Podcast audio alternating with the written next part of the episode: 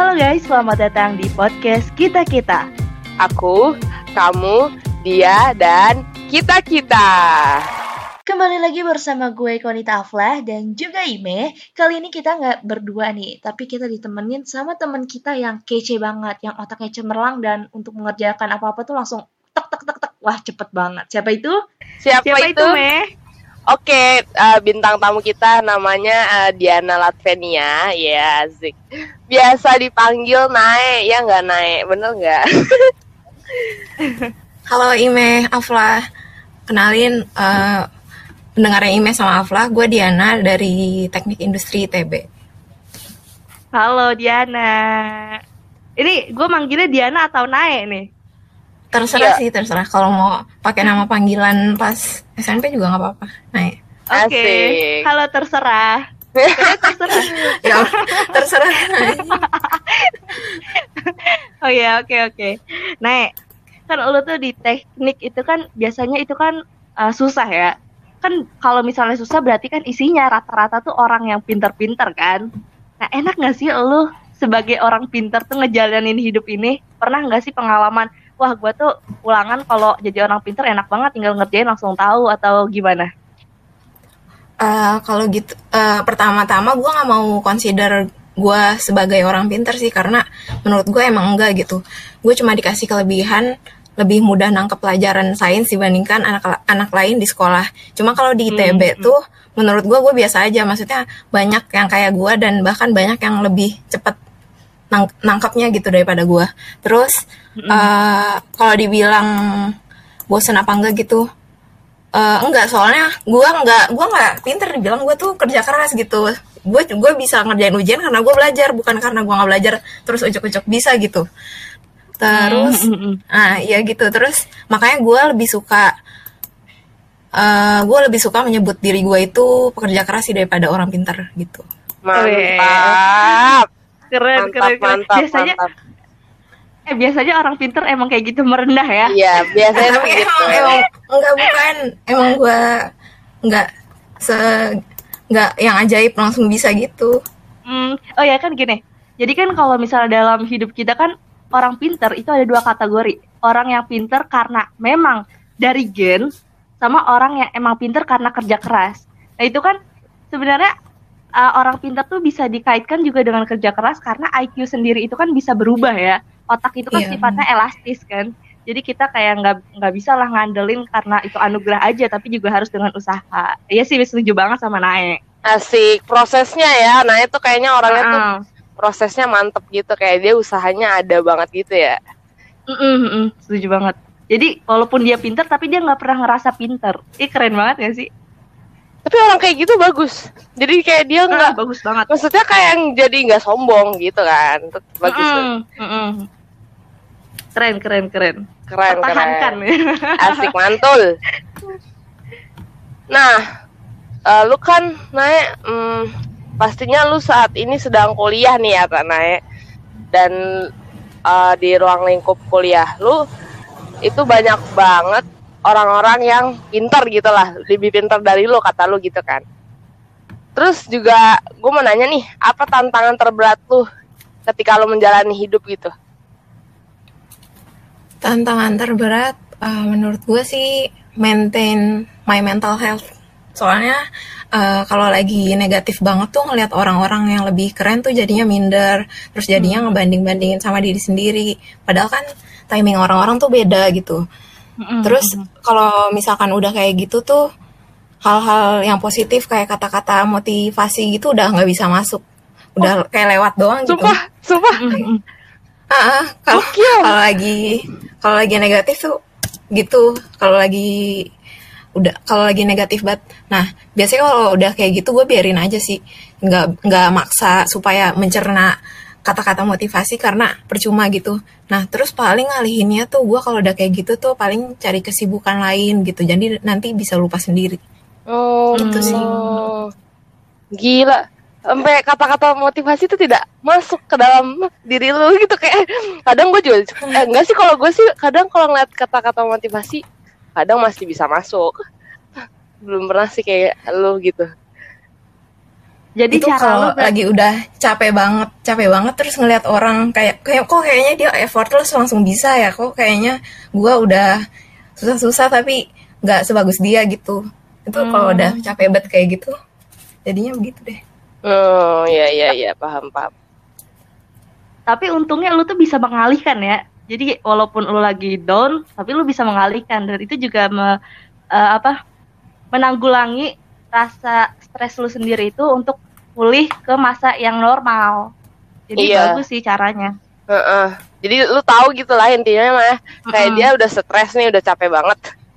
Tapi dia Mm. bisa me- apa men- mendapatkan jalan keluarnya gitu biar nggak yang jadi people stres banget gitu. Mm, bener bener bener bener. bagus bagus nggak apa-apa. Yang penting kita tahu eh, tahu diri kita tuh maunya apa saat itu gitu pokoknya. nah iya Hmm. benar Mengenali diri sendiri itu emang penting banget ya berarti. Iya betul tuh ya. Jadi lu pada nih yang lagi dengerin, lu coba kenalan sama diri lu dulu deh ya. Kalau masih lu nggak tahu arah ke mana ya, gitu. Mm-mm, bener banget.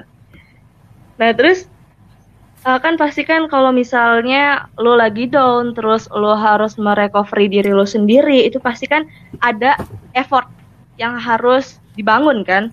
Nah bagaimana menyesuaikan antara effort yang lo bangun dengan eh, mimpi-mimpi lo naik? Eh, bagaimana menyesuaikan antara effort dengan mimpi ya Mm. gue itu orangnya kalau udah pengen banget gitu kalau niat gue udah kuat gitu pasti tuh bakal kerja keras banget dan gue rela ninggalin yang gak penting buat menggapai tujuan gue itu Mm, contohnya kalau di ITB tuh kalau pekan ujian gue pasti ngebatesin banget HP sama kegiatan lain yang bisa mengganggu lah gitu sekiranya. Nah terus eh, semenjak di ITB juga kan nggak bisa lagi tuh. Gue sekolah kalau eh, pas sekolah tuh gue kalau ujian tuh SKS kan ya udah belajarnya malamnya aja gitu. Pas Hmm. sebelum sebelumnya santuy aja. Di ITB kan mana bisa begitu lu cari mati kalau belajar semalaman doang kan. Oh, Terus- iya bener-bener. Nah, jadinya gue itu karena gue tahu nggak bakal bisa belajar semalaman ya gue berarti setiap hari harus nyicil gitu harus ngerjain soal tiap hari latihan latihan diusahain jadi pas pekan ujian itu udah tinggal nge-review doang jadi eh, menurut gue kalau gimana cara itunya eh, lu harus rela ngorbanin sesuatu gitu pasti ada yang dikorbanin kalau lu pengen sesuatu yang besar gitu Wah keren Hmm, banget, mantap, keren, mantap. keren keren keren. Ini emang effortnya Naya tuh, effortnya Naya tuh emang kuat iya. banget, Ay, sumpah. keren. gue mendengarkannya tuh kayak gila lu masih jauh banget dari kata sempurna men maksudnya kayak lu usaha lu tuh kayak minus banget malah Oh, jadi pembelajaran buat kita juga ya. iya gitu kayak pembelajaran buat kita banget gitu Wah keren banget sih Nae ya. Wajar sih berarti dia mempunyai otak cemerlang karena memang usahanya juga keras banget. Heeh. dan wajar juga dia bisa dapetin mimpi dia gitu buat masuk ke ITB mm. eh iya bener nggak tuh Naya lu masuk ITB tuh menjadi mimpi lu bukan Eh, kalau masuk ITB itu sebenarnya sejak SMA kelas 10 tuh gue UI garis keras gitu anaknya. Terus Oh. setiap di binder di mana-mana gue nempelinnya tuh stiker UI bukan stiker ITB. Nah terus kenapa tiba-tiba bisa ITB? Itu tuh dari kelas 11 sih pas kelas 11 gue mulai ngelirik ITB gitu. Karena gue kan pengennya ke teknik nih. Nah terus kalau misalkan gue pengen teknik kenapa nggak sekalian nyoba ITB gitu? Terus banyak yang dukung juga. Teman-teman gue juga pada bilang coba aja gitu. Terus akhirnya dapat kuota SNM ya udah gue coba ITB, FTITB cuma pilih satu gue FTITB Wah. doang oh. Wah, wah, udah mantep banget pilihannya gak sih? iya mantul ya. Berarti masuk ITB itu bukan bukan kecelakaan ya. Maksudnya kayak lu udah mempersiapkan dari ah, dari jauh-jauh hari gitu ya kayak gue udah gue emang parah, pengen parah. masuk ITB lah. Langsung aja lah ambil ITB gitu kan. Langsung aja eh, dari hati dan ya udahlah Bismillah gitu kan Dan sasarannya tepat ya dia. ya, eh, sasarannya tepat sekali bagus bagus perkiraannya tuh bagus, Bagus. lah Keren deh. Keren banget. Gue dapat kayak pembelajaran yang langsung brek brek brek. Isinya daging semua ya kalau ngomong sama orang pinter gitu ya. Iya betul banget betul asik banget dong Nah, terus ada nggak sih kendala-kendala ketika lu pengen ngejar apa yang lu mimpikan itu naik? Kendala uh, lebih ke itu sih suka kayak demot di tengah jalan demot terus kayak mager gitu kayak hmm. males ngelanjutin lagi capek gitu kalau udah capek tuh biasanya jadinya bisa seharian gak ngapa-ngapain gitu padahal ada yang harus dikerjain gitu tapi menurut gua uh, demot-demot kayak gitu wajar sih tapi cuma jangan lama-lama harus bisa harus ada batasannya lah gitu mm-hmm. kalau misalkan mm-hmm. udah kayak gitu gua kalau misalkan udah kayak gitu ya udah gua istirahat dulu. Cuma gua biasanya itu sih ngebatasin gitu. Ya udah gue istirahat tapi istirahatnya sampai jam segini gitu. Atau enggak gue beli sesuatu yang bikin gue seneng gitu reward diri sendiri beli makanan enak lah atau jalan-jalan hmm. dulu gitu. Gitu sih. Nanti jadinya pas mulai lagi tuh udah semangat lagi Wah, iya iya iya betul. Gue juga kayak lu sih Naya, kayak pokoknya gue kalau misalnya udah kayak bosen, uh, bukan bosen sih, kayak udah capek. Pokoknya gue harus kayak mereward diri gue sendiri gitu, betul. Kayak mau ngapain, kayak mau nonton, kayak mau apa, kayak betul. Setuju saya sebenarnya uh, kalau dalam psikologi sendiri itu emang ada loh uh, stimulus dan respon. Jadi ketika kita memberikan reward ke diri kita, kita tuh biasanya akan lebih semangat kayak gitu. Jadi emang penting sih reward itu buat diri kita sendiri. Oke, mantul benar, mantul. Iya, terus juga kalau misalnya kita ngomongin semangat, kita lagi down, terus kita emang harus berhenti sejenak dulu karena kalau misalnya kita paksain ya percuma juga kan. Mau ngapain iya. kita paksain tapi uh, uh, yang ada kita malah makin down bukannya makin semangat. Jadi iya, betul, take a break betul. dulu lah ya. Istirahat Bener. dulu lah ya. Tapi kalau mm. gua kadang malah kebanyakan istirahatnya. Jadi terlalu lama menyantai itu tuh imeh tuh ya. Jangan ditiru ya sobat pendengar. Aduh berubah di 2021 kan ya tapi oh, iya. pastinya. Iya, doain ya semuanya. amin, amin. Halo, cu. Wait. Terus, Meh. Lanjut nih ya, kita lanjut. Hmm. Berarti tadi uh, lu naik masuk ITB itu lewat jalur SNMPTN ya? Benar. Berarti uh, menurut lu nih ya, menurut lu tips and trick buat dapet SNM gitu loh kayak misalnya eh tips-tips lu lah waktu lu mau milih SNM lu waktu lu mau milih SNM tips tuh eh tips tuh cara lu biar gue dapet nih SNM gimana sih gitu Uh, pertama-tama gue nggak nyaranin berharap ke SNM sih karena SNM itu nggak ada yang tahu seleksinya gimana gitu apa yang paling dilihat atau dipertim dipertimbangkan si penyeleksinya tuh nggak ada yang benar-benar tahu gitu tapi kalau misalkan ditanya tips, uh, yang pasti sih nilai rapotnya ya, nilai rap rapotnya harus dipersiapin dari kelas 10. Terus uh, kalau bisa, oh ya kan ada yang bilang juga SNM itu harus naik terus kan nilai rapotnya atau stabil. Tapi tuh gue pernah matematika gue tur terjun bebas dari 96 atau 97 gitu ke 89. terjun bebas. itu kan jauh enggak tapi terjunnya jauh gitu lumayan jauh oh, 9 iya, iya. ke 89 itu jauh banget uh, okay. terus terus kan uh, jadinya gue semenjak itu tuh udah nggak mau lagi kan ngarep SNM soalnya kan banyak yang bilang wah nilai rapot lu harus stabil harus naik gitu. Dan itu gue turun. Gue turun dua kali deh matematika pokoknya. Gue turun dua kali. Yang paling rendahnya tuh jadi 89 terus uh, ada juga kan yang bilang SNM itu kalau kakak lu nolak SNM di suatu PTN terus sekolah lu di blacklist. Kakak gua kakak di atas gua ada yang nolak ITB tapi sekolah gua nggak di black, black blacklist. Makanya kan nggak ada yang tahu gitu ya. Nah dari situ aja tuh dari situ aja udah kelihatan kan kalau SNM itu eh, nggak uh, tahu gitu dalamnya gimana mereka nyeleksinya jadi uh, menurut gua jangan ngarep SNM sih tapi kalau misalkan uh, lu ngejalanin tips gue yang siapin nilai rapot itu kan berarti lu udah belajar nih dari kelas 10. Nah, itu bakal menguntungkan juga pas mau UTBK. Jadinya lu at least lebih pasti lebih santai daripada orang yang SMA-nya nggak pernah belajar gitu. Jadinya lu lebih nggak ter, seterbebani orang-orang lain gitu sih. Jadi mm. ya itu. Terus oh ya pas kuliah kalau lu udah biasa rajin belajar sama baca textbook juga bakal kerasanya uh, lebih mudah gitu soalnya kan kuliah kan lu harus udah mandiri kan apa apa mm -hmm. uh. Berarti SNM itu masih menjadi rahasia ilahi ya guys ya.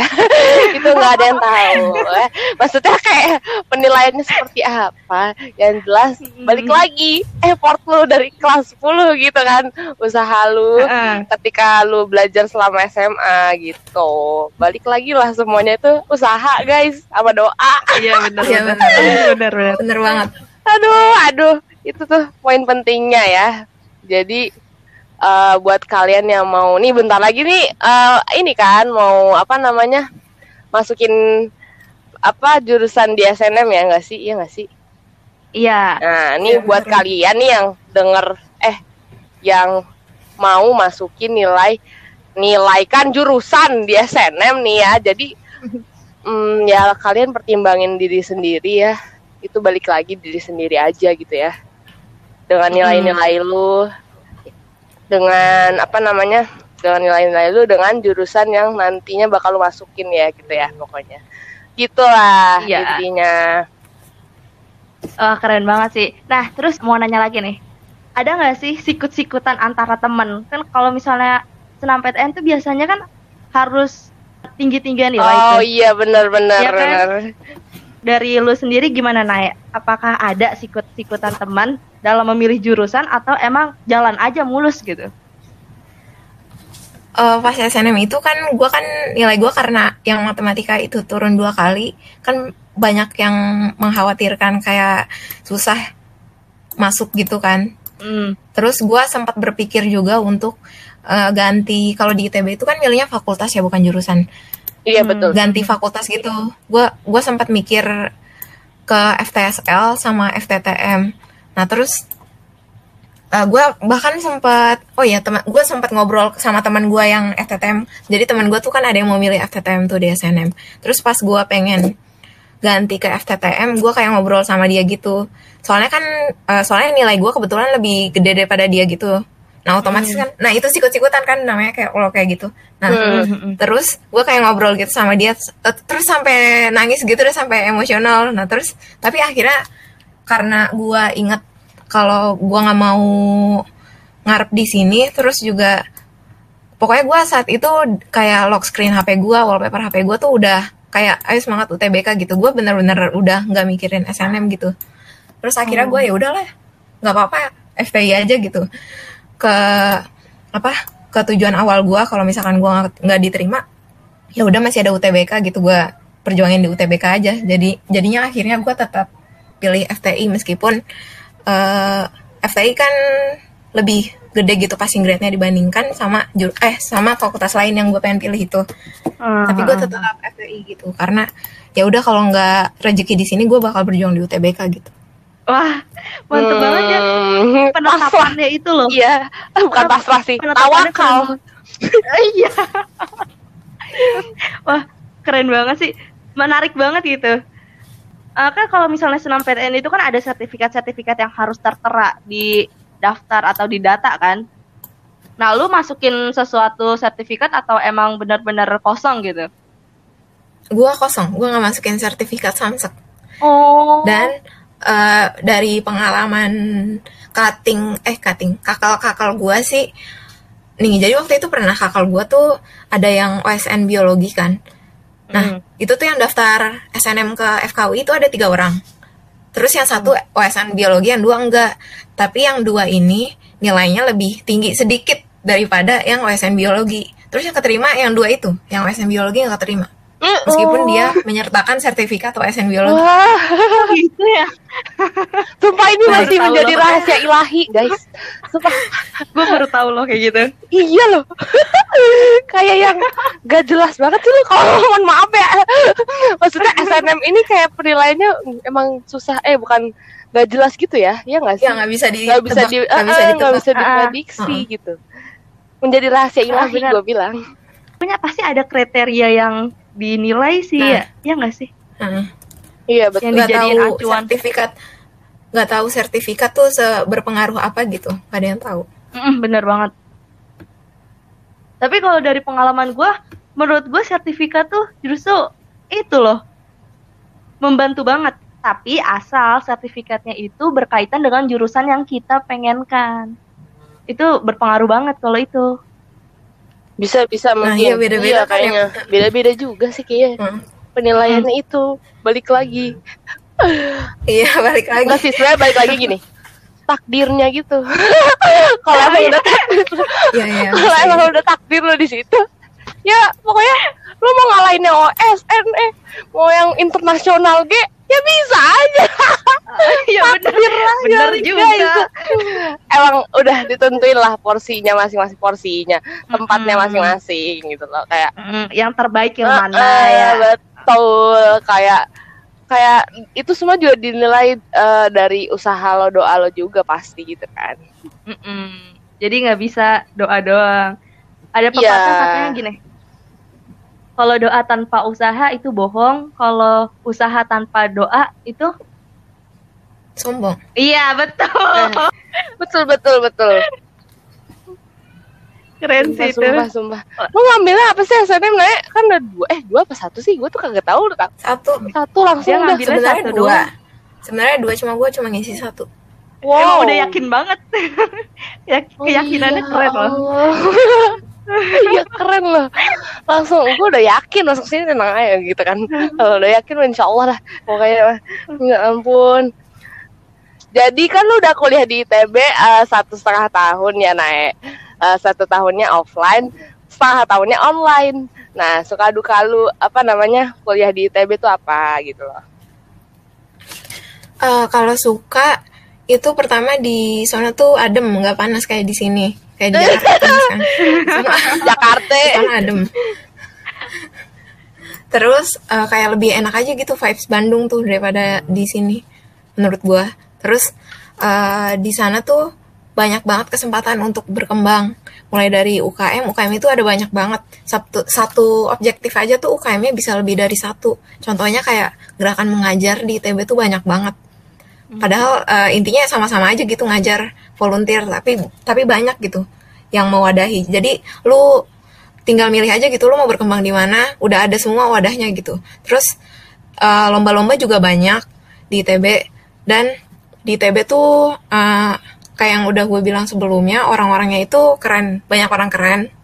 Mulai dari dosen, cutting, teman sejurusan, bahkan adik, adik tingkat tuh banyak yang keren-keren. Jadi bisa dimanfaatkan buat belajar sebanyak-banyaknya dari mereka. Pokoknya saling belajar gitulah. Terus eh kayak dikelilingi orang-orang yang motivated tuh bener-bener bikin gua tambah rajin dan sadar kalau gua tuh biasa aja dan masih harus belajar banyak gitu sih. Terus eh, kalau dukanya di TB tuh nggak bisa sesantai pas eh, pas sekolah. Hmm. Terus kalau sekolah kan ya udah SKS SKS juga bisa gitu nilai gue bagus SKS.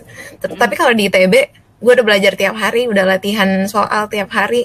Terus pas ujian gue bisa ngerjain itu pun nggak belum tentu nilai gue bagus gitu. Gue udah bisa ngerjain aja belum tentu nilai gue bagus nggak ada yang tahu gitu. Hmm. Terus soalnya kayak lebih unexpected jauh lebih unexpected daripada soal sekolah sih Hmm. kayak suka-suka dosennya mau sus- susah apa gitu. Kalau sekolah kan mungkin guru kan masih kasihan gitu kan ya udah eh, kalaupun susah ya masih bisa itulah masih bisa gua masih bisa gitu. Sedangkan kalau di ITB benar-benar unexpected gitu sih soal-soalnya. Terus eh apa ya jam tidur kurang. Apalagi kalau ikut banyak kegiatan di luar kelas tuh pasti kan harus meluangkan waktu lagi. Jadi eh, yang pasti jam tidur lu bakal kurang. Terus eh, apalagi ya?